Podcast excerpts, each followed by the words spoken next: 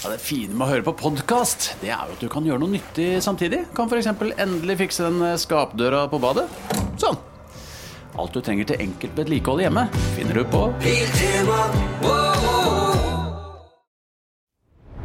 Wesselstuen.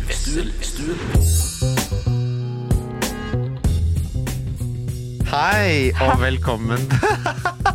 Å, det er så hyggelig! Hjertelig velkommen til Wesselstuen. Eh, Mitt navn er Christian Wessel, og jeg sitter her med eh, en av mine beste venninner som er gjest på podkast for første gang. Julie Reistad, velkommen. Takk skal du ha. Går det bra? Det går bra. Eh, jeg har invitert deg hit av litt forskjellige grunner. Eh, Det ene er jo at du er en av Oslos beste DJ-er. Eh, Du jobber også som eh, eventansvarlig i We Come In Peace, et stort eh, selskap som gjør jævlig mye kult i uh, Oslo om dagen. Men kanskje først og fremst fordi vi alltid har det jævlig gøy når vi er sammen.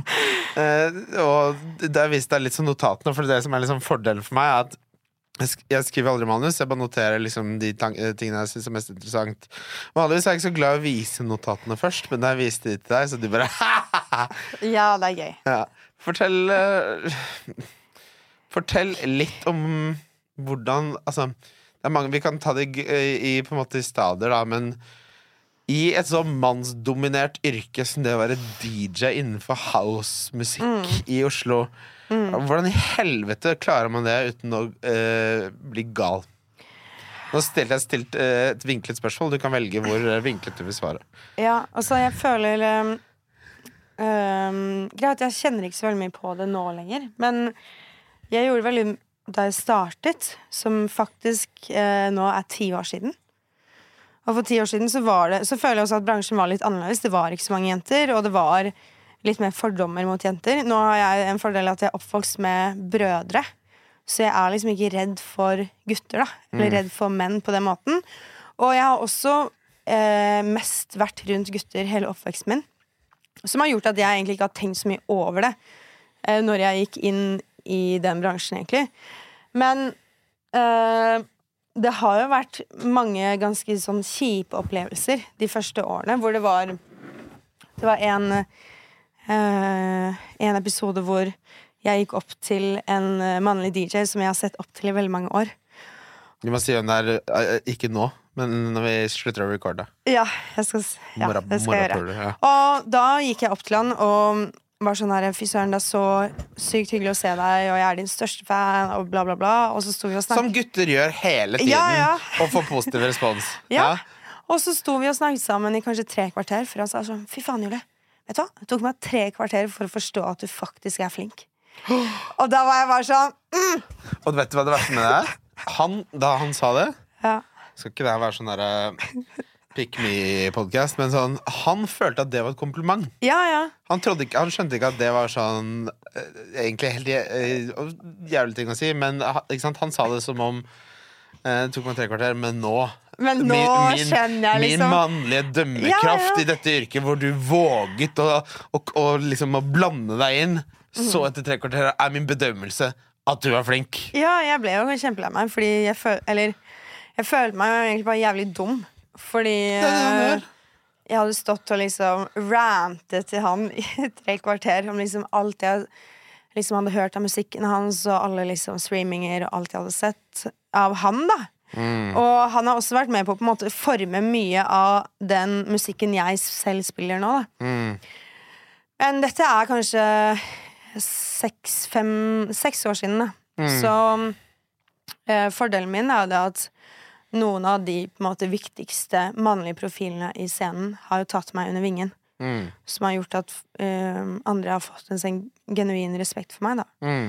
Um, Men samtidig så tenker jeg liksom sånn, for hva var det som endret seg, da? Fordi sånn si, La oss ta et tankeeksperiment, da. For, Si at du er like flink i en eh, på en måte, hypotetisk verden, men så blir du ikke på en måte tatt under vingene til de som bestemmer hva som er kult og ikke. Er du da mindre flink, liksom? Eller er det fordi man, det er mannsdominerte bransjen som det er, fordi de ser på de, og de sier at du er bra nok, Ja. så gjør det det enklere. Men hvis ikke, så er det sånn altså, det, det, skal ikke, på en måte ikke være en sånn den type diskusjon hele episoden. da, Men jeg bare, for jeg har jo, vi har vært i samme miljø i mange år, og jeg har jo vært liksom, house-entusiast siden jeg var 16.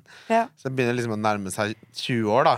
Og det er ingen tvil om at det jeg så, var at da flinke eh, jenter og kvinner fikk sjansen, så var det mange middelmådige menn som var sånn ah, Hun får bare muligheten, for hun er digg. Ja, jo, jo, men Og sånn er det jo òg. Fordi eh, jeg kan jo fortelle om hvordan jeg fikk min første spillejobb. Please do. Eh, da hadde jeg mm, eh, Jeg hadde gått på folkehøyskole og gått på musikkproduksjonslinje, og så kom jeg hjem til Oslo. Og så var jeg sånn, hvordan kan jeg tjene penger på musikk? Og da var DJ-ing på en måte det første Mm. Og det enkleste, da. Ja, De sweete 3000 per gig minus skatt. Ja. Og da uh, ble jeg kjent med en uh, jente, og vi bestemte oss for å uh, danne en duo. Og da Da dro vi til Sollihagen Ja. og spurte etter daglig leder. Og da gikk vi bort til daglig leder hei, vi er DJs, og vi vil gjerne spille på klubben din. En Det- uke senere så fikk vi spillejobb. Og Det er vi, bare smart. jo, men greia er at vi hadde aldri rørt et miksebord før. Vi Det hadde ikke noe å si, faen. Nei, men vi sugde altså så sjukt. Ok, men la meg spørre deg Prøvde dere å mikse, eller hadde dere ferdigmikser så dere, så dere lekte miksa? Nei, nei, vi prøvde å mikse. Ja, det, men dere satt, sto dere Julie Reistad og bommiksa på Solhagen? Ja! ja, det, er- det er vondt! ja det Fordi- var veldig vondt, men, men, men det var også før. Hva skal man ellers gjøre? Ja, men hva skulle vi gjøre? Vi hadde Det du ellers kan gjøre, er å øve før du gjør det. Ja, ja. Men samtidig så skjønner jeg Jeg, jeg, eh, jeg be, beundrer fe, ikke, jeg, jeg vet ikke om jeg vil kalle det frekkheten. Samtidig som det er jævlig mange som bare har eh, prøvd seg en time hjemme og bare 'Nå holder det. Nå er det på tide at jeg får noen gigs'. Som gjør akkurat det samme, da. Mm. Men forskjellen for deg var jo at den interessen var jo ikke noe som du gjorde for på en måte Den gikk ikke over etter to uker. Du hadde, jo tenkt, du hadde jo tenkt å drive med musikk, i hvert fall, om ikke DJ-ing. ja. ja, jeg har jo drevet med musikk nesten hele livet. Nettopp. Så det var på en måte den enkleste måten å tjene penger på med musikk. Og, men, men greia er sånn på den gigen der, så var det mer sånn at da visste vi ikke hvordan ting egentlig fungerte. Mm. Så øh, Ikke at jeg skal gå inn på alle detaljer om hvordan man mikser, men det ser kanskje jævlig enkelt ut. Men det er jo Det er enklere nå enn det var da vi startet. Ja, ja. 100 For da, var, da måtte du Altså, Hva skal man sammenligne det, å mikse med? For nå er det litt sånn Altså, For de uinnvidde, da Og nå høres jeg jævlig pretensiøs ut, men det får du bare tåle. Men nå kan du stort sett slippe å få det til å gå i samme rytme. Det er liksom eh, eh, aspekt én av det. Ja. Helst så bør du jo også da ikke mist, tape energien mellom to låter. Ikke sant? Hvis, selv om de er i samme beat, så er ikke det så interessant.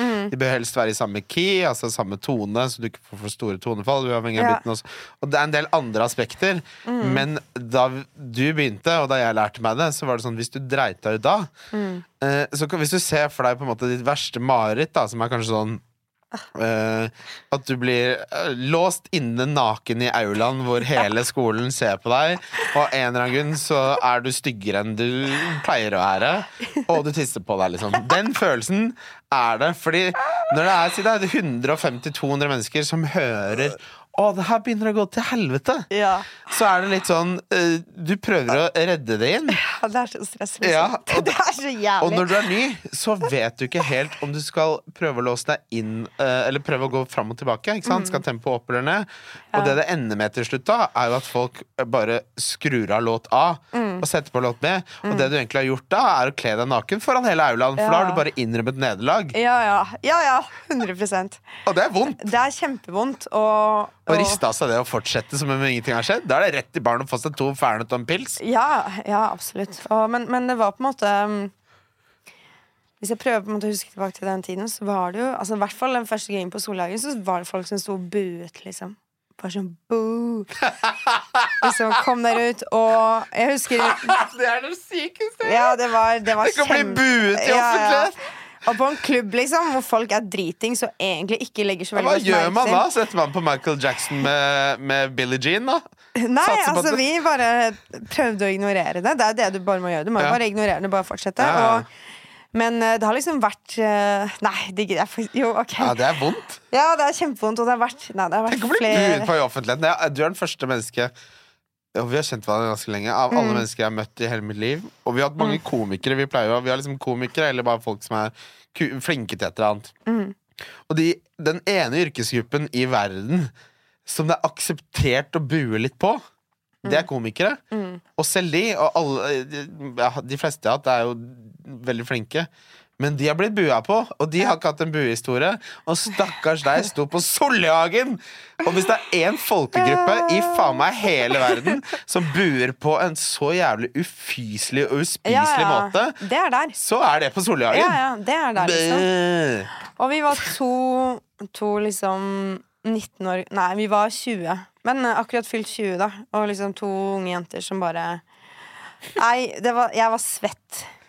Skikkelig svett. Jeg vil se for meg at man bare blacker ut. Jeg bare Ja, men typ, det er fortrenger liksom ut av deg selv-opplevelse. Ja. Fordi du går på en måte i så sjokk i deg selv, eller det er så ubehagelig at du bare må uh, Du må fortrenge det. Ja, må fortrenge det, faktisk. Og bare fokusere på å prøve å gjøre neste miks litt bedre. Men det var jo før jeg kunne noe som helst om tempo eller key. Jeg skjønte jo Men la meg stille deg et spørsmål, Mm. Julie. Hva faen trodde du skulle skje da du dukket opp bak spillet Bak deksa på Solhagen? da? Trodde du at du skulle finne ut av det on the fly? Ja, For det vet du hva det er? Det er en veldig mannlig tankegang. Dette fikser jeg. ja, ja. Kan det, kan det? Nei, det ordner jeg. ja, jo, men det var, ja, det var jo det. s- På en måte, fordi jeg tenkte bare Nei, men jeg er jo musiker. Dette må jo være null stress i forhold til eh, annen øving jeg har gjort. Da. Men, eller ikke øving, dette var jo på en måte ja, Nei. Ja, for det er stress. Ja, det var dritstress. Det er kanskje men, det, men samtidig så tvang det meg til å bli flink fort. Fordi den første opplevelsen her var så Ja, du så det var, konsekvensen av å være stille uforberedt. ja, ja, så da var det bare ok. Da ringte jeg de vennene jeg visste var gode til å eh, mikse, og Ja. var sånn Nå må du bare sette av tre dager til meg. Ja. Og så må vi gjøre det her sammen. Men, det, men det er på en måte litt paradoks, da. Fordi øh, det er vanskelig, ja. Mm. Men det er også en sånn Hvis jeg skal sammenligne det med noe, så er det litt som padel. Fordi Mm. den for, øh, læringskurven er såpass bratt. Eller mestringskurven er såpass bratt. Mm. Så du lærer det ganske fort hvis du har litt rytmesans og sånn. da Ja, ja. Eh, og da får du den derre Da får du den, noe av det vakreste i livet, som er den derre lysten til at Å, faen, jeg gleder meg til neste gang. Mm. Og den fikk jo du eh, Må jo du ha fått, i og med Ja. at du er der hvor du er nå. Så har Ja, det ja. liksom gått slag i slag, da. Fra Mm. drittmennesker buet på deg på Solhagen, så har du bare blitt bedre og bedre for hver gang. Ja, det er jo og det, og det gikk egentlig ganske fort, fordi det er egentlig bare å kunne telle til fire og holde en takt. Ja. Som er det det handler om å være DJ. Fordi i hvert fall innenfor den sjangeren jeg spiller, som er house, Fordi da er det bare fire-fire som er rytmen. Jo, men det er bare beatmatching, da. Ja, ja, Og beatmatching, det er kjempeenkelt. Ja, det, det, hvis du ikke klarer det, så tenker jeg da, da handler det om at du ikke liker matte. Nei, men Nei, ja, ja, sant. Men hvis man mikser hiphop og andre Ja. sjangre hvor du må mikse uavhengig av tempo, så er det en helt annen greie. Fordi da er det mye på en måte raskere overganger, og Ja. det er eh, jævlig mye mer stress, syns jeg. Men altså, faktisk altså, hvis du tar eh, på en måte Øyvind Morken, da, for eksempel. Ja. Som kanskje er sånn teknisk Jeg mener ikke teknisk sånn at du ser på TikTok at det er mye effekter, og sånn men som kan blande en, hvilken som helst sjanger. Da, Mm. Eh, det er noe helt annet enn å lære seg det her på en måte som Ja, ja. basic-tingen. Og på en måte misforstå oss rett. Det, alt handler ikke om at alt skal gå i takt hele tiden. Nei, nei. Du kan få en mye bedre opplevelse med en som klarer å spille jazz og litt Susanne Sundfør-samples i den Ja. jazzete perioden hennes fra Music and Trouble til å spille Mm. rhythm eh, dubstep, liksom. Men, men den derre Grunnen til at jeg nevner det, da er fordi hvis du selger deg inn som en DJ Mm. som blander drum and bass, jazz og tekno, da, Mm. så er på en måte takhøyden for at uh, du bommer litt. Mm. På et helt annet nivå enn hvis du er sånn Jeg spiller house, jeg. Ja. Eh, og du klarer ikke det. Mm. Da blir det sånn Da, da, blir, da, da buer folk på Solhagen. Ja. Og hadde du gjort det på Jeger Vi har jo sett folk som, som på en måte Som bommikser Ja, ja. på Jeger og på Villa, men ingen bryr seg der. For der Ingen handler det ikke om at noen skal At det er sånn uh, trainspotter som liksom skal ta deg på det tekniske? Nei, nei. Altså, du har alltid Altså, som oftest så har man en skeiv miks i løpet av et sett. Hvis ikke så eh, prøver du ikke, tenker jeg. Nei, det er det. Og Men sånn som Øyvind Morken og Jiha og de gutta der, de begynte med vinyl, ikke sant? Og vinyl er et helt annet nivå. Ja. Fordi du må Kan du det? Nei, Jeg jeg, kan jeg kan det, men, men jeg er ikke god. Nei. Fordi det som er greia med vinyl, er det at du må faktisk gjette tempo. Du må kunne høre Ja, ja. på en låt og si det er 125 BPM. Og så tar du på neste plate, og så er det sånn ok, dette er kanskje 128, Ja. eller så er det 123, men du må vite det. Og det er mange år faktisk med øving, eller i hvert fall kanskje ikke år, men mye, mye øving, da, fordi du må kunne høre på en låt og bare ok, dette er det tempoet, og der er ikke jeg. Nei, og hvis Helt du da Og der kommer vi tilbake til Si at den er Det blir litt nerding, det for dere bare tåle, kjære lyttere. Sorry. Si at du kommer fra 128, da, så har du tatt den ned fordi den du spilte var 122. Mm. Ja. Mm. Og den har du tatt opp til 123.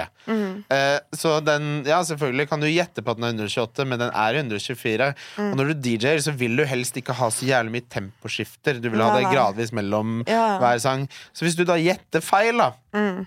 Så det du gjør da, at enten så holder du igjen vinylplaten, eller så dytter du den litt framover.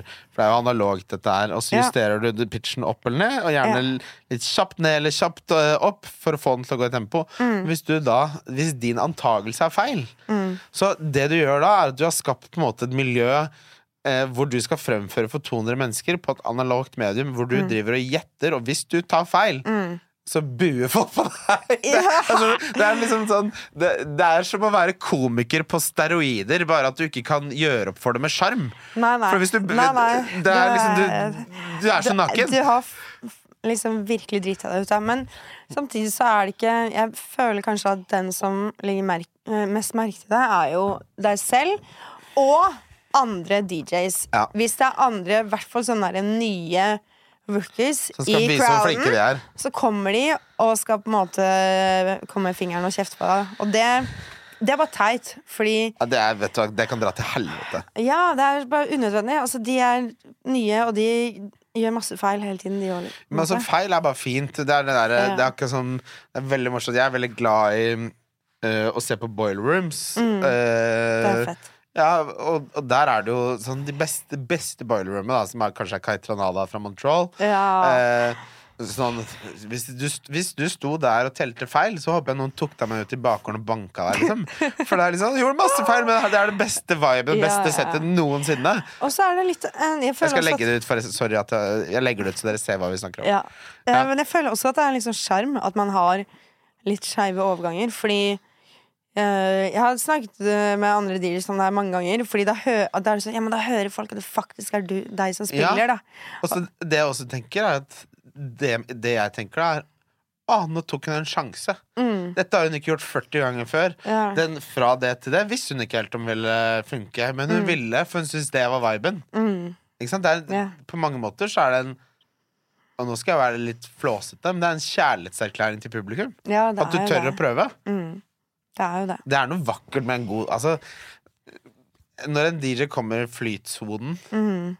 og på eh, et sted som er bra, med bra lyd, og den viben, sånn som nå på Bakgård og sånn, Ja, det, det er det er digg. det det er bedre faktisk enn komikerne på sitt beste. Men for komikere på sitt beste er alt begrenset av språk. Ja. Og nå kommer jeg også til å høres helt jævlig flåst ut, men når du får den derre musikkfølelsen Det har ikke noe med språk å gjøre. Det er sånn Uh, Kanskje du har lyst til å bytte jobb, kanskje du har krangla med bestekompisen din, kanskje du har litt kjærlighetssorg, og sånn standup kan få deg til å humre litt av det. Ja. Mens det her kan få deg til å bare internalisere det i sjelen din og tenke på noe annet. Altså, Ja, nå, nå, må jeg snart avlives. Nå blir jeg så romantisk. Men du, du, skjønner, du skjønner hva jeg vil? Jeg skjønner hva du mener, og det er på en måte Det er eh, kanskje den beste følelsen jeg vet om, er når jeg kommer inn i en sone Jeg er jo alltid kjempe, kjempenervøs før jeg skal spille. Ja. Uansett. Det husker jeg vi snakket om eh, vi, vi var jo hos Jonas Berg Johnsen, kompisen Mm. min, hvor du skulle spille, og du var så nervøs at du ikke visste hvor du skulle gjøre av deg. Ja, ja. Men, men jeg er alltid det. Jeg er kjempenervøs. Sånn, Ja. Jeg blir nesten dårlig. Og um, vil helst på en måte ikke snakke med andre mennesker fordi jeg er så sykt stressa. Men med en gang jeg begynner å spille, så slipper det stresset. Og så er jeg i Og så er jeg i en sone. Mm. Da kommer varer- i flytsonen. Og da kommer jeg i flytsonen, som er ekstremt magisk. Spesielt hvis man får liksom den riktige kontakten med publikum, og hvis det er liksom packed klubb med ja, 300-400 mennesker, da. Mm. Vil, du si, vil du si at den flytsonen altså, For det som skjer, er at det bygger seg opp masse angstefø... Jeg vet ikke hva de følelsene heter. Jeg kjenner, meg veldig igjen i det når jeg skal på en måte jeg skal Jeg skal faktisk være DJ på Villa på neste par dager. det? Ja, i sweatshopen. Carl har lovet meg én time. Seriøst? Jeg skal bare spille sånn 2008-2009. Den tekkasen jeg alltid Ja, sender deg. Å, jeg gleder meg så okay, mye. Det er jo dritfett! Du har jo megabra smak. Og da kommer jeg til å være så nervøs. Ja, det skjønner jeg. Men så fort den første sitter Den derre uh, releasen som man føler når man gjør noe man bryr seg om, som man har forberedt seg til, men som man er nervøs for, og når den begynner å sitte for, for meg så er det helt åpenbart at det er derfor folk blir komikere, det er derfor Ja. folk blir DJ-er. Og så kan man ikke si kanskje, vet du hva, Jeg tror det er derfor folk blir faen meg kirurger òg. Ja. De kommer i flytsonen nede i hjertelomma der, jobber litt. Mm. Det er, man, man, trenger, man trenger at det står noe på spill, da. Ja. Selv, om, selv om det som står på spill, bare er at du blir bua på på Solli faen, så, så trenger du på en måte den der eh, origin storyen der. Altså, Mm. du, men den følelsen er Men vil du si det er Vil du si at det er liksom den, din favorittfølelse i livet, Jule? Ja. Ja, det, det er liksom på lik linje som å være forelska, faktisk. Ja, for jeg sa jo Jeg sa jo på en av de tidligere podcastene at jeg syns det var forelska Harry. Ikke sant? Ja. Eh, og det, jeg prøvde å være morsom, ja. men hvis man overfører det til det her, da, som det vi snakker om nå, det er harry å stå og kose seg med å være DJ òg. Det er dritharry! Det, det er det mest harry som Ja, finnes i er verden. Altså, en nevrokirurg som bare Fy faen, den, den, den, den lille operasjonen er naila. Vet du, det er blodharry! Det er kjempeharry. En, en fotballspiller som setter den i krysset, vet du hva det er? Det er Harry. Ja, Det det er det. det, Harry kan bety mye forskjellig. ja. Harry trenger ikke være negativt. Nei, ja. Jeg tror jeg har et annet syn på, på Harry enn en det mange andre har. Ok, men så Mm. eh, Du har jo da eh, For dere som vil dra og se Julie, så spiller hun stort sett hele tiden overalt på de beste stedene i Oslo. Jeg gidder ikke å utdype noe mer.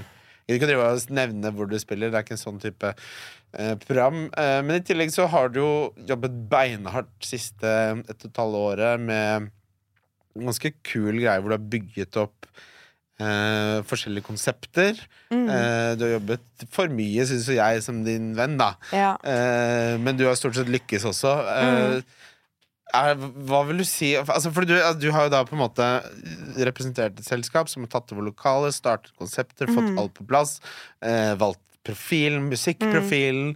Det er ganske, du har liksom gjort jobben til sånn tre-fire mennesker alene. Ja. Eh, hvordan klarer man det egentlig, Julie? Er det fordi du er verdens fineste hund i Flo? Ja, det kan være på hun er Flo. Uh, helt ærlig så føler jeg eh, mye av på en måte min hva skal jeg si, arbeidsmoral da, kommer fra pappa.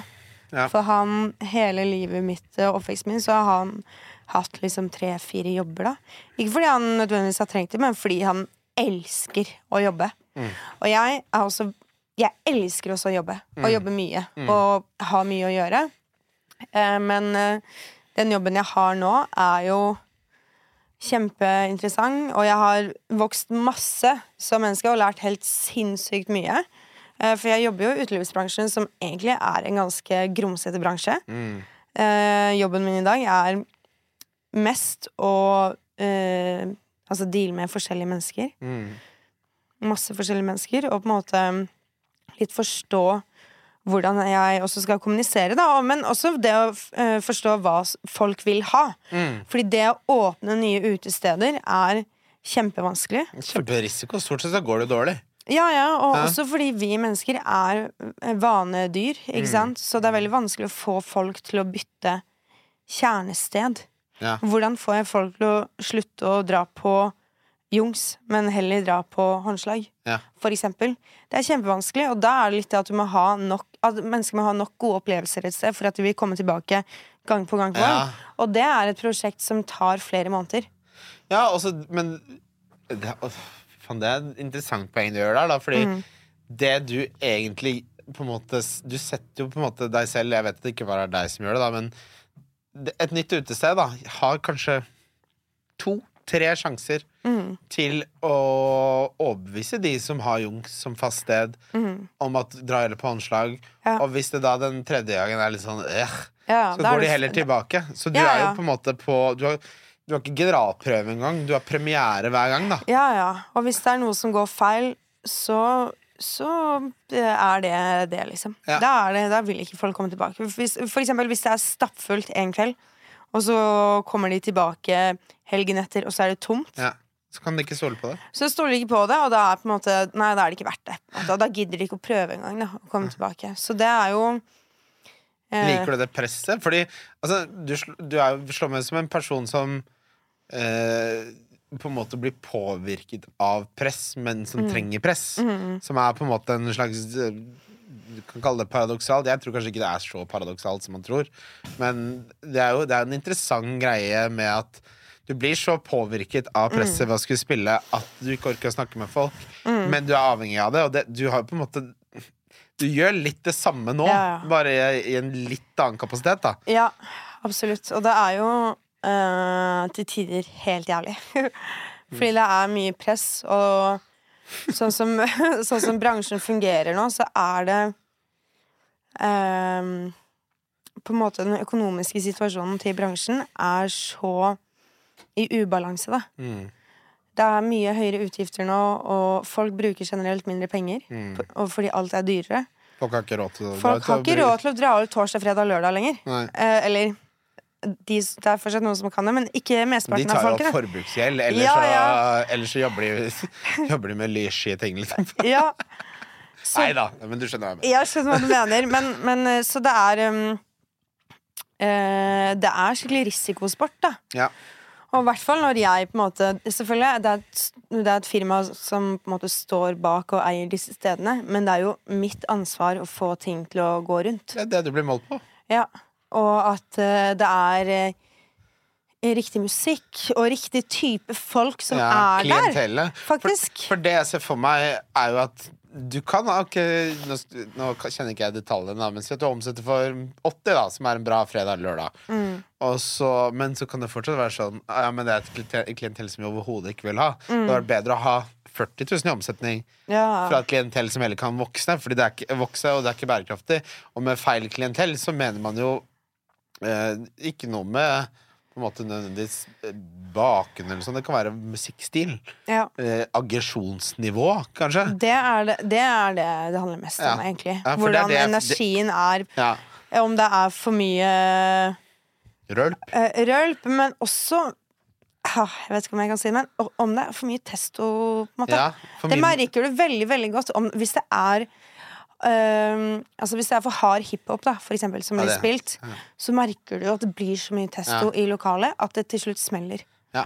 Og hvis det er mye bråk et sted, så får du problemer med politiet, og så blir du stengt. Ja. Eh, og det er noe man på en måte prøver å unngå. Ja, det, Men det er vanskelig på en måte å uh, velge riktig klientell. det er gjerne de som drar på byen òg, da. Ja, ja. Ja. Og det handler på en måte ikke hvor du er fra eller hvem du er. Det handler jo rett og slett om Hvordan du oppfører deg. hvordan du oppfører deg når du drikker alkohol. Ja. Og det, det syns jeg Uten å nevne stedet, da. Så jeg, mitt favorittsted kan jeg nevne, som er Villa. For der er Mm. vaktene så strenge at hvis du oppfører deg på noen måte der, så får du lykke til med å håndtere kanskje den beste albanske dørvakten i Oslo, da. Ja, ja. Lykke til med det. Får vi se hvor aggress- aggressiv du er. 21 år gamle gutten fra faen meg Lunder. Og kjeften din og sett deg ned. Mm. Ja. Og så, mens, mens på andre steder så får de gutta som fortsatt bruker hårvoks Ja. Eh, og som er på, som er på så, altså når, når det blir for mange av de, Mm. så sånn Så kan man selvfølgelig på en måte Kritiske røster vil jo si du er en 35 år gammel mann, kanskje du burde være hjemme og ta kveldskurs i bedduck. Det kan dere gjerne si, men du skjønner hva jeg mener når det blir over, overvekt av den type mennesker, Ja. så merker jeg med en gang bare sånn Her er det bare, nå er det bare å komme seg i, til helvete vekk herfra. Ja. Og det er jo, selv om det Villa som, som jo Det er jo Snittalderen er sikkert da fra 25 til 30 et eller annet, Ja. da, men der er det aldri sånn. Uten å nevne det andre stedet, så er det forskjell på det. Det er kjempestor forskjell, og, men det vi i hvert fall har merket en eh, ekstremt stor endring på, er da eh, de endret eh, reglene i forhold til det å ha Alders... aldersgrense. Nå må du slippe inn alle som er over 20. Det er ikke lov å ha 23-årsgrense. Det er ikke lov å ha 25-årsgrense, fordi det blir sett på som diskriminering. Det jeg kan si om det, er at det har gjort at nå pisser folk i pottene våre. Vi har masse store planter inn på håndslag, og folk står og pisser, river ut eh, skap, eh, spyr Altså, det, det er en helt annen kultur Men folk kan kan ikke feste da. før de er 25. Nei, nei. Og de som er 20 i dag, er de som ble 20 under korona. Og de hadde kun hjemmefester, og de lærte seg ikke helt den derre kutymen da, Ja. hvordan, for hvordan man er på byen. Fordi Ja. det er noe helt annet, fordi du er på et sted hvor du faktisk ikke kan oppføre deg sånn som du oppfører deg på en hjemmefest. da Hvis du skjønner hva jeg mener? Jeg, jeg er helt enig. Og, men tenk deg hvor pansenerd han karen som ikke kom inn på Internasjonalen for han var 23, og sendte en jævla e-post til næringsbyråden i Oslo Ja. kommune. Fant fram til eh, Hun heter helt sikkert sånn Torkjell et eller annet, og har ingenting med utelivsbransjen å gjøre. Sitter og ruger på konfekt av en eller annen grunn. Hun har masse konfekt på kontoret. Og Mm. det, han har sendt en mail, og hun har ikke mye eh, i jobben sin som faktisk blir omsatt til handling. Så dette var liksom det ene snittet hun tok. Og så leste hun seg litt opp, og så bare Er ikke dette diskriminering? Og så ødela det for veldig mange. Det er ingen, ingen 28-åringer i Oslo som vi møter på en 21-åring. Og de mennene som er 28 som vi møter 21-åring, de må vi bare få kasta på sjøen Ja, uansett. helt enig. Fy faen! Ja, Det fy har blitt faen. ødelagt. Å, men eh, uten å nevne navn, jeg også, så er det faktisk et sted i Oslo som tar 250 kroner i cover for de som er under 25. Ja takk. Er det lov, da? Men er ikke det, er ikke det Da kan man ikke bare si ja, det koster 10 000 å komme inn, da. Men, ja, men jeg tror på en måte de kommer seg unna det fordi de får for seg komme inn, men de må betale. Ja, men da Men- Hvorfor ikke bare sette grensa til 10 000? Ja, ja. Koster 10 000. Nei, da er det Vi tar Klarna. Det er lov. Vi tar Klarna. Har du Klarna, eller din lille drittunge? Ja, men jeg skjønner Det er jo Alle, alle skjønner at da det ødelegger for mange, da. Det er faktisk ødelagt veldig mye for mange steder i Oslo, og jeg håper egentlig at de eh, At det er noe som kan komme tilbake. Fordi det som også er, er det at kidsa i dag bruker ikke penger. Så man omsetter på en måte mindre hvis det bare er 20-åringer et sted. da Hva, for hva? Har de liksom tatt en malen sammen, da, eller? Ja, nei, men jeg vet ikke. Jo, det er, Hva gjør de? det er, mer, det er mer drugs blant de unge i dag enn det Ja, den generasjonen Ja. det er helt annen verden. Det er en helt annen verden. Ja. Men, men så har det også blitt på en måte en greie blant eh, Åh, jeg hater det ordet jeg skal si nå. Si men blant woke-kulturen. Ja, ja. Jeg har lært meg akkurat hva det betød. Men, men de drikker faktisk mye mindre da enn det vi gjorde. Okay, så de, de drikker Pepsi Max, da? Ja, eller vann. Eller Ok, fordi øh, Jeg går videre på et spørsmål som alltid plager meg. Mm. Som vi øh, møttes jo på Njø-quiz med Håkon Lange, beste quizen som er i Oslo. Som er på onsdager på Njø når du tar sommerferie, riktignok. Og da er jo jeg sånn som eh, sitter og legger merke til de som har delt to glassflasker med Pepsi Max på et seksmannsbord på quiz. Eh, og det er Jeg respekterer Vet du hva, jeg respekterer hvis du eh, har hatt et alkoholproblem, Mm. og du er tørrlagt. Men da syns jeg du skal drikke Klaus-taler, som Nicolai Torgersen gjør. Eh, eller Munkholm. Eh, men den derre De piler alltid av gårde sekunder resultatet har kommet. Mm. Og da blir, tenker jeg sånn, for det første eh, Du er nerd. Det er det første jeg tenker. Det er, og nerd kan være positivt. Du kan være datanerd. Det er positivt. Ja. Men det her er også sånn Tenk hvis alle gjorde det, da! Ja. Så arrangerer de quiz. Og så er det vet, Hva var omsetninga? Vi solgte 11 Pepsi Max, men vi måtte refundere den ene, for den ene syntes den var litt flat. Han sa det idet han rev ned blomsterpotta vår med allværsjakka si fra Stormberg. Jævlig, altså, du må jo skjønne litt Ja, på en måte eh, næringskjeden i dette her. Og alle trenger å tjene penger, og selvfølgelig hvis du er en 20-åring som er woke og drikker vann istedenfor, det kan jeg skjønne. Men da bør det være egne steder som caterer for de. Ja. Du kan ikke investere masse penger i et utested, og så bare Nei, vi hadde 250 besøkende, og så eh, genererer det ikke noe inntekt, da. Nei, nei, og det som også er, er at eh, når det er eh, masse 20-åringer, så vil ikke eh, vi som er over 25, dra på de stedene. Nei. Og det er jo på en måte de vår aldersgruppe som legger igjen pengene i baren. Vet du hva det ene stedet som funker, som er et uh, sånn U20-sted? Hva da? Ocean i Trondheimsveien. Ja. Har du vært der? ja, Jeg, vi hang der masse før. seriøst. Og der er det russekro faen meg Ja, hver dag. ja. Og de kjøper, de kjøper øl! Ja. Gud bevare meg vel, der er kjøpes det øl. også, der, gudene, Jeg har ikke vært der på mange mange år. Takk Gud for det Hvis dere noen gang ser meg på Ocean, så er det bare å ringe politiet med en gang. For da har det gått virkelig skeis. Men det er litt sånn Det er alkoholikerne, øh, traverne, og så er det, så er det Foss-gjengen, da, som, øh, som faktisk kjøper øl. Ok, men vi skal videre fra utelivsbransjen, og så er Mm. det, vil jeg bare si, jeg syns um, Syns det er jævlig fett at du gjør det så bra som du gjør det. Det har jeg tenkt at du kommer til å gjøre siden, siden vi møttes for mange år siden, fordi du er jævlig dyktig, men det er gøy.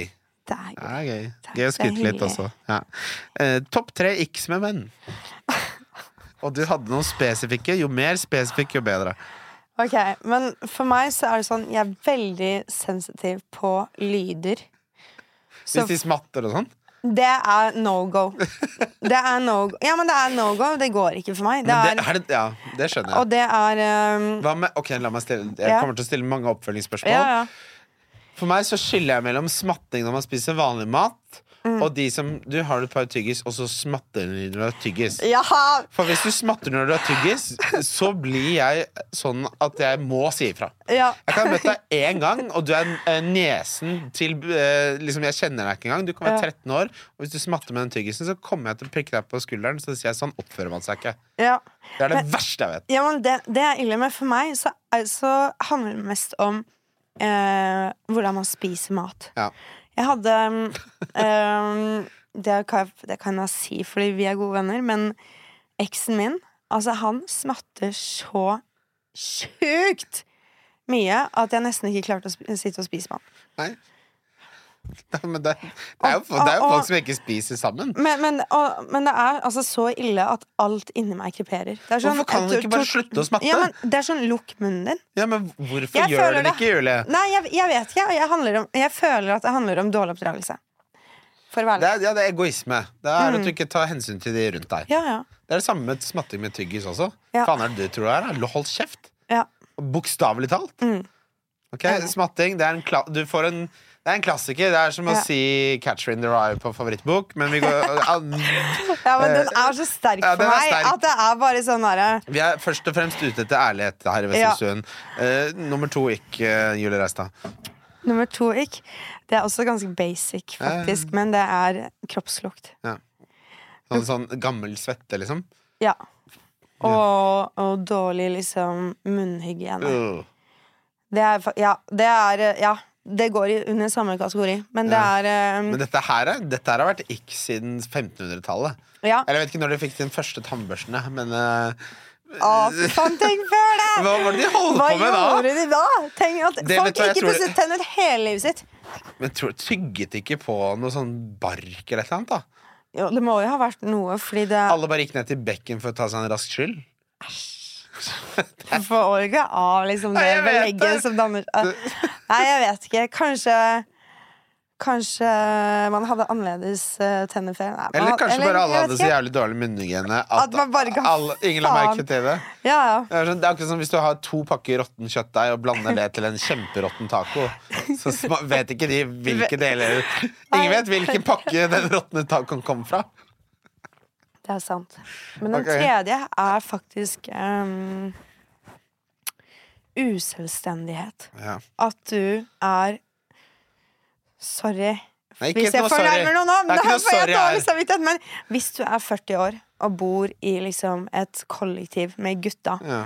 og kollektivet er sånn Det er ølbokser oppover veggene, Nei, tjukk sigg Ja, men ok, nå, nå setter jeg det litt på spissen, da, men sånn men det er jo sånn! men ja, det er mange som lever sånn, Ja, men, men det er kanskje eh, noe av det mest usexy jeg vet om, er menn som er uselvstendige. Når man helst burde i hvert fall klart å leie seg en liten eh, 20 kvadrat og Få deg litt krype inn et Få oss krype inn, ha det rent rundt deg, re opp sengen. Eh, og rett og slett stå på egne ben. Ja. Måte, ha, og ha eh, en motivasjon og et mål i livet. Som ikke handler om å gå på Nav og bo i femmannskollektiv og røyke sigg med gutta, liksom. Og så tenker jeg altså sånn altså Den ene på en måte formildende omstendigheten Hvis du skal bo i et sånt kollektiv da, For det første så Det må være da at du eh, Bor sammen med folk som ikke er Det kan ikke være sånn vi møttes på, på rubrikkdelen i eh, gamle aften. Altså Det må være fordi dere holder på med noe sammen da. Han er kunstner, han er fra Ja. Lisboa Vi møttes på backpackingtur Og han stemmer banjoen min Og det må liksom være en rød tråd i dette Ja. her men hvis du bare er sånn eh, Nei, det er meg, og så er det en 25 år gammel ingeniør fra India som det er første Ja. Altså sånn Hvorfor bor du her, da? Ja. Hva, er det, hva er det du gjør? ja. Du er 40 år gammel. Du har ikke skiftet sengetøy på tre Nei. måneder. Nei. Svin! Greia er at det er egentlig ikke så vanskelig å ha det nokså behagelig i Norge. Nei. Det er ganske enkelt å få til å betale Altså ja, betale et eller annet i måneden da, som ikke trenger å være altfor mye, for jeg har leilighet alene. Ja. Når du er går. 40. Det klarer Når du er 40? Ja, men da må du helst eie, da. Men, ja, jo, men ikke noe helst Jeg, jeg har veldig respekt for eh, altså, å leie-eie-diskusjon. Fordi du kan fint leie når du er 40. Ja, jeg, Det handler om Det er valg med og frihet, og så er det sånn Så kan du si ja, det er å kaste penger ut av vinduet. Nei, ikke hvis du får mer penger igjen. Hvis at du har fem millioner, da, og så plasserer du det et sted hvor du får 7% avkastning, eh, som er mer enn det du tjener på. Altså. Ja, det ja. fins argumenter å gjøre det 100 for det. altså, Mine foreldre kjøpte liksom sin første eh, leilighet uh, når jeg var tolv år. Ja. Og da var de Det klarer jeg ikke å ta i hodet akkurat nå, men da var de over 40. Ja, Så det er ikke det at jeg dømmer det, men jeg bare mener at det er mulig som et voksent menneske å sette seg Men i vi en annen snakker om forskjellige ting her, Julie. Fordi ah, ja. hvis du er 40 år og fortsatt, altså, så Selvfølgelig, folk blir syke. Ja. Og man har et velferdssystem. Det er en ting. Hvis du Mm. er en arbeidsfør person Ja.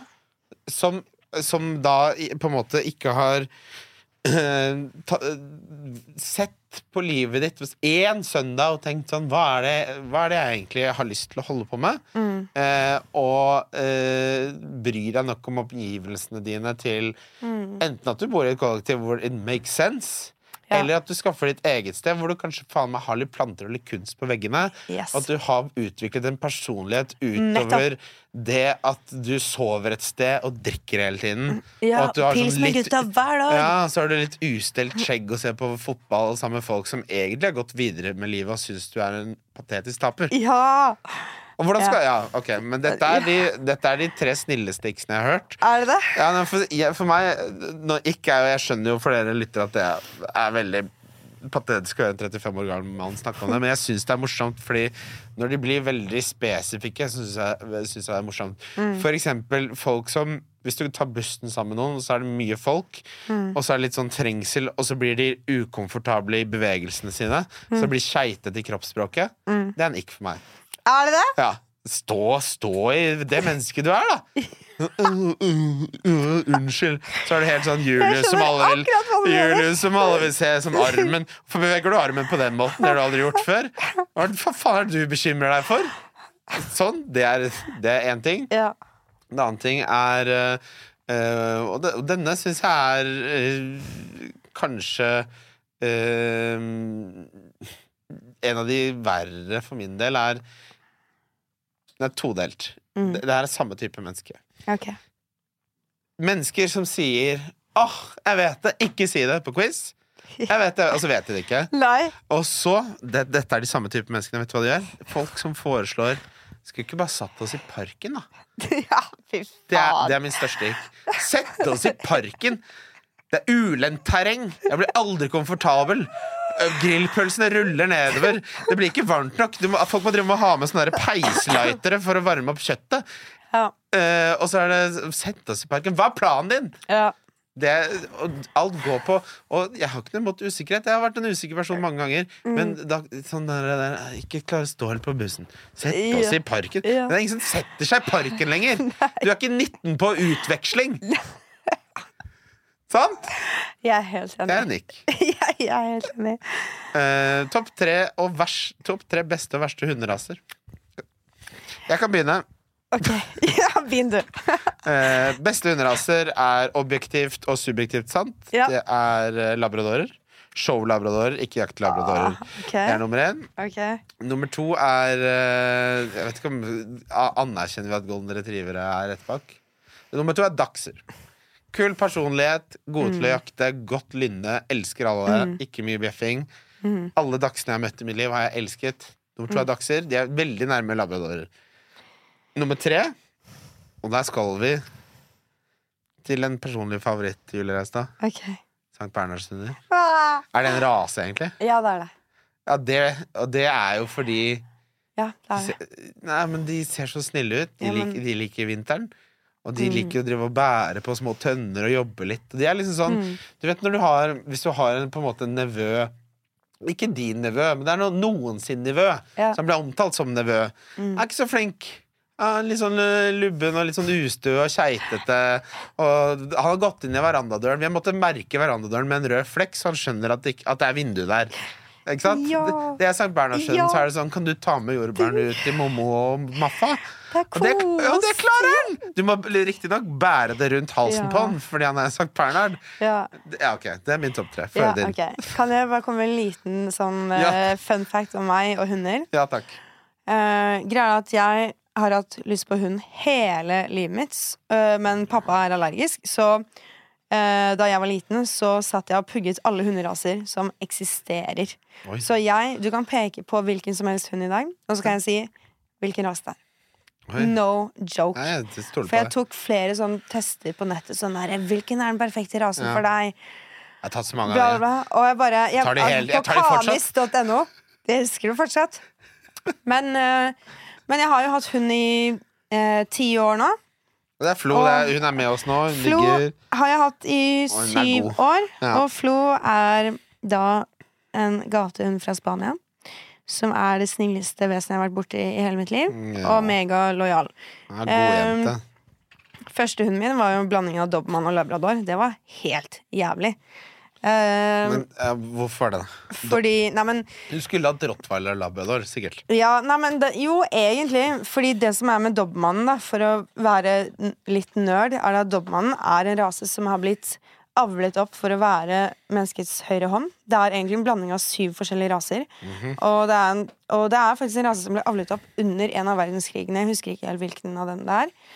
Men det er en veldig nevrotisk rase. Ja. Så hvis du Hvis den får en dårlig start på livet, så er den ødelagt. Og de klarer ikke å fikse det. nei. Så Finn, som han het. Eh, som jeg Som også var omplasseringshund. Jeg har bare hatt omplasseringshunder. Mm. Han fikk jeg da han var fem måneder. Og da hadde han fått så mye juling av de forrige eierne Oi. at han var eh, ødelagt, da. Ja. Men det gjorde at han plutselig gikk fra å være 20 kilo og engstelig til å bli 50 kilo Og og en manhunter, da. Han ble Ja. veldig aggressiv, og det, på den tiden så var jeg knapt 50 kilo, så han var jo sterkere enn meg. Altså, det blir jo veldig vanskelig. Ja, så det var kjempevanskelig. Men nok om det. Mine topp tre hunderaser. Få høre topp tre. Eh, nummer én er faktisk eh, en rase som jeg også har hatt, som heter sentralasiatisk ovtsjarka. Som er en russisk gjeterhund.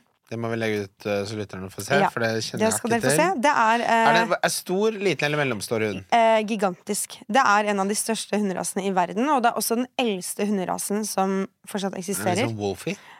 Eh, ja, Ja. faktisk. Men det, den er uh, på en måte Det den gjør, er det at den passer på saueflokker. Ja. Og den dreper, kan drepe ulver og bjørner.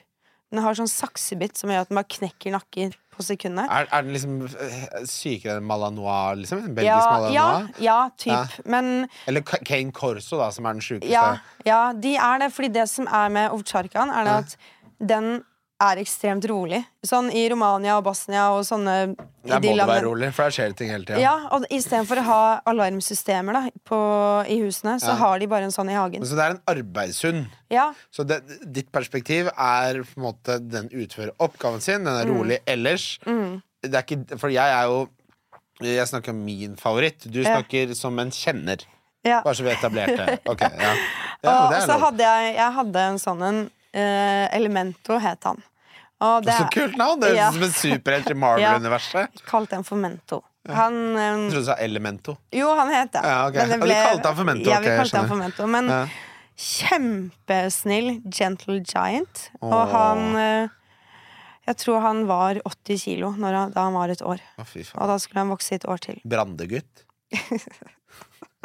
Ok, nummer to. Ja, nummer to Det uh, er faktisk eh, eh, Rodation Ridgeback. Oh, du, liker, du liker big dogs. Ja, jeg liker store hunder. The big dogs. Jeg, uh, de, Ja, er, de er fine. de er kjempefine og Ja. kjempekule og ganske smarte eh, raser, som også er fine familiehunder. Mm. Men, du, men du, har, du har en tendens til Fordi jeg, kan- jeg, jeg, jeg tror på ingen måte jeg på en måte leser meg opp like mye som deg, men, men jeg er interessert, og du Mm. liker de som har rolig lynne, men eh, som har på en måte den oppgaven de er avlet opp til, er de jævlig gode på, da. Ja, Det er, Ja. det er litt sånn hvis du ser en eh, skikkelig god gjetehund, de som herregud, gjeter sauer ute i Mm. Ja. Wales og sånn, mm, når de ikke har fått jobbe på litt, av en eller annen grunn, de har vært hos veterinæren og sånn, da, ja. når de får gjete de sauene, Mm. det er som deg når du er i flytsonen som du vil, da. Nei, ja, nå, nå var jeg flåsete, men de, de er som, det er inget vesen i verden som elsker mer enn å gjete sauer Nei, enn de sauene. da. Og det er faktisk Det er jo border collien Ja. eh, du snakker om nå, og det var jo sånn mest på en måte kjøpte hunderasen i Norge på tidspunkt. Lassie? Ja, nei, det er ikke Lassie-hundene. Border collien er sort og hvit. Lassie er jo Ah. sånn brun. Hva, hva heter de, da? Uh, det er også en collie, men det heter bare collie. Det heter Collie. Men fordi hvis de Dette ikke får den stimulansen ja, det, Men de som ikke, når de ikke får den stimulansen de vil, så blir de kjempenevrotiske. Ja, de, og de blir understimulerte. Akkurat som mennesker. Og, ja, og det som skjer med border collien, hvis den ikke får den stimulien den Mm. trenger, er jo det at istedenfor å gå og nappe sauene i anklene, så går den jo og begynner å nappe Ja, og rive stykker møbler og Ja, og det har vært et kjempestort problem i barnefamilier, for eksempel. Ja. At hunden har begynt å liksom Hva- nappe til barna. Hva, altså for det tenker jeg sånn eh, Vi har jo ikke barn, noen av oss. Nei. Men hvis jeg får barn Mm. De foreldrene som bare ja, Skal vi bare få oss en collie, da? Ja, ja. Bare sett deg litt inn i ting, da. Det, selv om du ikke hadde internett, så var det jo dørselgere som solgte leksikon i 14 bind. Mm. Søk opp collie der, da! Trygve. Ja. jeg er helt enig. Det er kjempeviktig å vite hva slags hund man faktisk får. Ja. Hei, Flo. ja. Eh, men ok, og så er det nummer tre. Si labrador, da, for helvete. Nei, men det er ikke labrador! Det- Fordi alle er sånn labrador er så søte, men de har så mye energi, og det er Ikke altså alltid. Ikke alltid.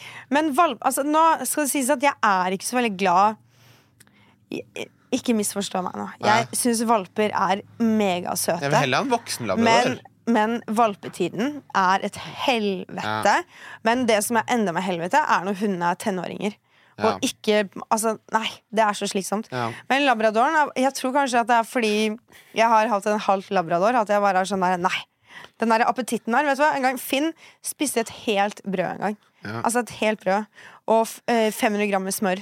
Og han var så stor at jeg kunne ikke Det har vi alle gjort på en søndag. Kom igjen. jeg kunne ikke ha ting liggende ute på kjøkkenbenken, for han fikk tak i det. da Altså, men jeg har en, en god venn av meg eh, Han har en kongepuddel. Mm. Da hadde vi gjemt eh, pølsebrødene inni en pose inni en sekk.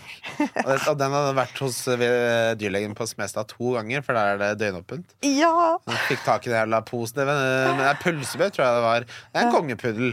Og da har han spist hele posen. Og så, og så det morsomste med det er sånn Har du spist en pose med pølsebrød nå? Ja. Så ser du på ham at det Den bare Ja, ja, jeg har gjort det. Spist den posen. ok, sorry. Labra, Labrador gjør jo det. Ja, de, De gjør spiser det. alt. Jeg kan det, Nei. Um, Men de er, de er altså, det verste jeg på en måte Jeg vet ikke om du kan ha med det her. Jo, men det vi var kan ha med eh, alt Jeg har sagt men det ting Jeg burde gang- sitte i fengsel. hvor eh, jeg gikk over Jungstorget med Finn, og så skulle han Så måtte han på do, og så fikk han det ikke til. Og så var det noen som var sånn Du, det er et eller annet som henger ut av rumpa hans. Og så var det en av mine truser. så jeg måtte gå inn på 7-Eleven og, og hente papir og dra ut trusa mi fra rumpa hans. da Ja, det er, det er et øyeblikk. Foran masse folk, Ja, liksom. men da er det jo Da kicker jo morsinstinktet inn, da. Ja, selvfølgelig. Ja. Eksen min sto og brakk seg og var en jævla pussy. Ja, Vet du hva? Pussy asshole. Ja, pussy! Hva faen? Ja, det, er? Vet du hva det er?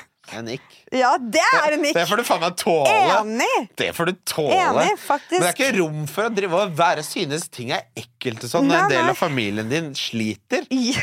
For du får meg skjerpe deg. altså, men han har liksom svelget en hel. Og det var bare sånn herre Men, ja, fordi det, er liksom, det er jo det som er interessant med mennesker. Da? Fordi det Mm. du ser på Selvfølgelig, Jeg ønsker jo ikke at den skal spise trusene dine, min sorte labrador som skal hete Bobby, som jeg skal få veldig snart. Men at han unner seg At han koser seg litt. Ja. Eh, og at han ikke er så jævlig kresen på hva han spiser. Det, det føler jeg på en måte får være greit. Ja. Eh, verste hunderaser Jeg har eh, Det her er ganske enkelt for meg. Mm. Yorkshire terrier, terrier er den verste. Jappa, jappa, jappa. Ja. Ja. Your mouth moves like a rat. Easy. Shut it. Ja. Eh, hva har du å bidra med? Du bare maser. Ja. Eh, gneldrefittebikkje. Unnskyld språket. Ja, Eh, ikke fittebikkje. Gneldre mannebikkje. Eh, eh, andre dritt Terriere er stort sett mye Terriere dritt. generelt er no go. Det er red flag. Ja, red flag. Det er bare å holde seg langt Ja, unna. Og når en terrier, så er det sånn Ja, ja hvorfor det? Men det er sånn, se for deg no, det er, Dere har vunnet Nobels fredspris. Dere har eh, rett og slett meglet fred mellom eh, Mellom Palestina og Israel. Mm. Det klarte dere på to dager. Så bare, Hva slags hund har du? Yorkshire terrier? Så bare mm, hva Skip! Juks! Eller juksa! Okay. Ja, virkelig. er vi enige? Det er hyggelig at vi er enige om det, da. Ja, Der, ja, der er vi 100 enig. Hva er din siste, da? Uh, Eller, ja. Ja, da, da må jeg på en måte ta Jeg er uh, veldig motstander av alle som er uh, avlet for å bli sånn mopsete og fransk Mm. bulldog. Fordi hvis du ser på Altså en, eh, mengden typiske medfødte lidelser. Fordi Mm. er sånn Og samme bokser også, for så vidt. Ja. De dør når de er 60. Ja. For de får kreft uansett. Koste hva det koste vil, så får de en eller annen form for kreft. Og det er litt sånn Oppførselsmessig, vi kunne jo skilt mellom oppførselsmessig verste bikkjene, men sånn som et menneske, som akkurat på samme måte som hvis du er en barnefamilie som ikke tar ordentlig vare på bikkjene dine og får deg en collie, Ja. så dømmer jeg deg ja. veldig hardt. Og hvis du får en rase som du vet er preget av at de har det helt og at de dør når de er seks, Ja. vet du hva? da er du et dårlig menneske. Det er dyreplageri. Det er ditt ansvar å sette Ja. deg inn i sånne ting. 100% Og, men faktisk en uh, fact da, om bulldoggen Mm. er det at for 100 år siden så hadde de lang snute. Jeg så, så et uh, bilde en gang om at det på en måte plutselig Nei, ok, så var det én valp en gang Mm. som ble født med litt flatere tryne. Og så begynte de å avle på det istedenfor. Begynte det staka kjøret der. Ja, ja, så det handler mest om utseende. Samme er det med schæferen i dag. Schæferen, hofte, Ja, ja. Schæferen, Du ser at schæferen har skrå rygg, fordi det blir De er også plutselig møkkabikkjer å forholde seg til. Ja, de, de er tror kanskje schæfer er godt valg. Ja, faktisk. For de liker én, og resten er de sånn Ja. Hva faen er problemet til den schæferbikkja? Ja, de er ustabile, men altså ja, Som oftest er de ustabile fordi de har mye smerter. Ja. Men det, sånn er jo mennesker òg. Ja, faktisk. Det er det. Godt poeng. Ja, det er sant.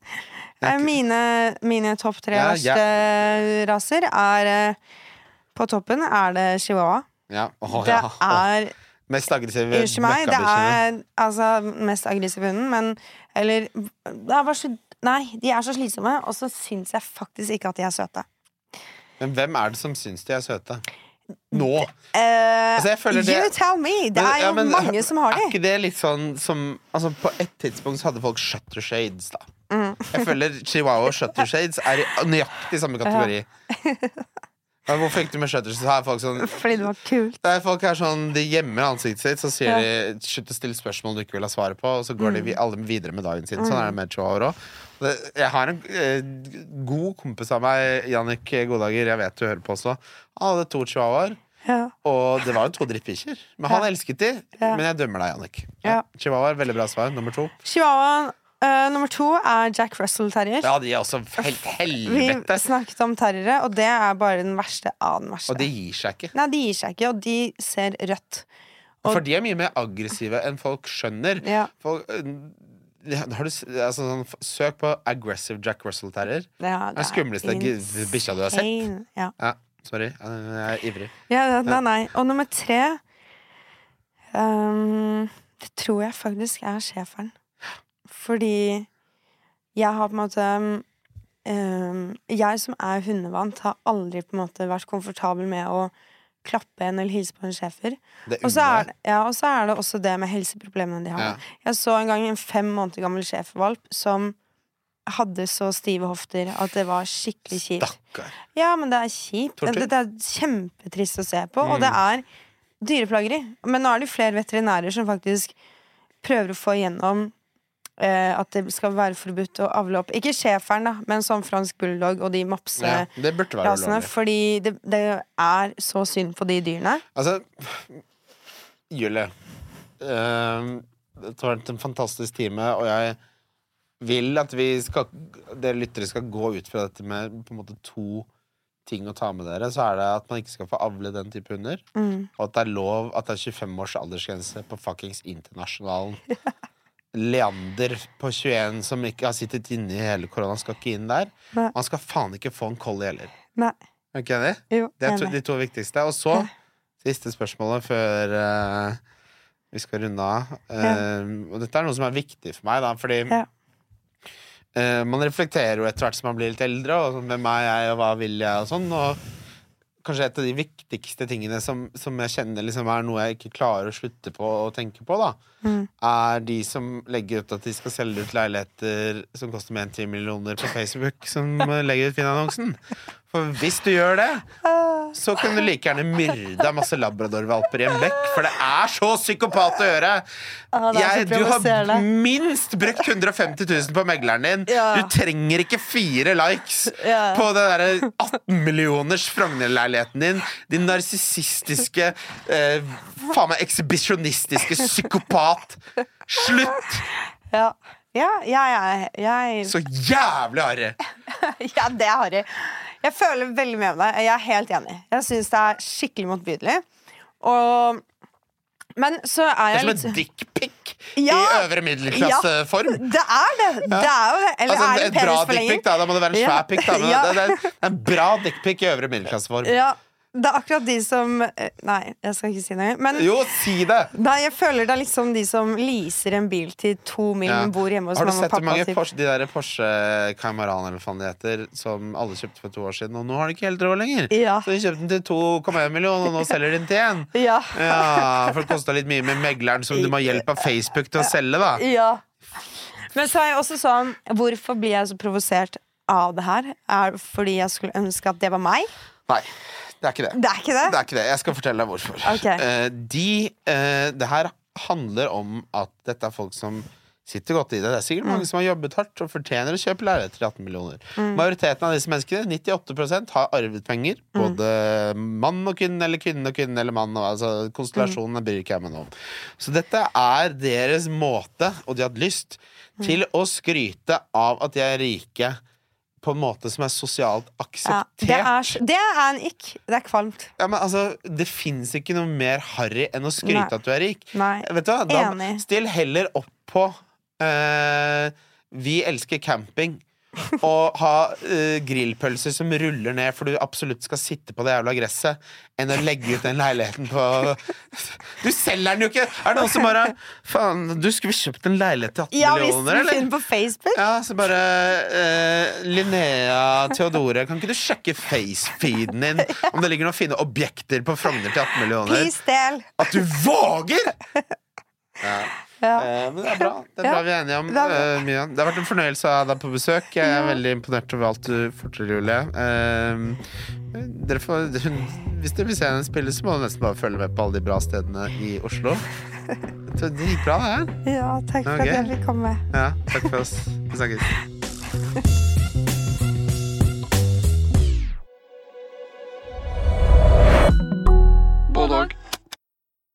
Velkommen til Kjemperådet!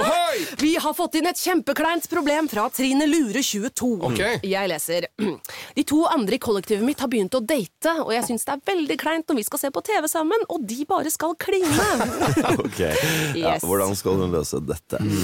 Siden Trine Lure er under 30, får hun jo ubegrenset data fra Telenor fra 399 kroner. Da Da kan hun sette seg på sitt eget rom, streame så mye hun vil på mobilen. Ja, hun kan jo se på nye mobilabonnement på telenor.no. Ja, det er lurt.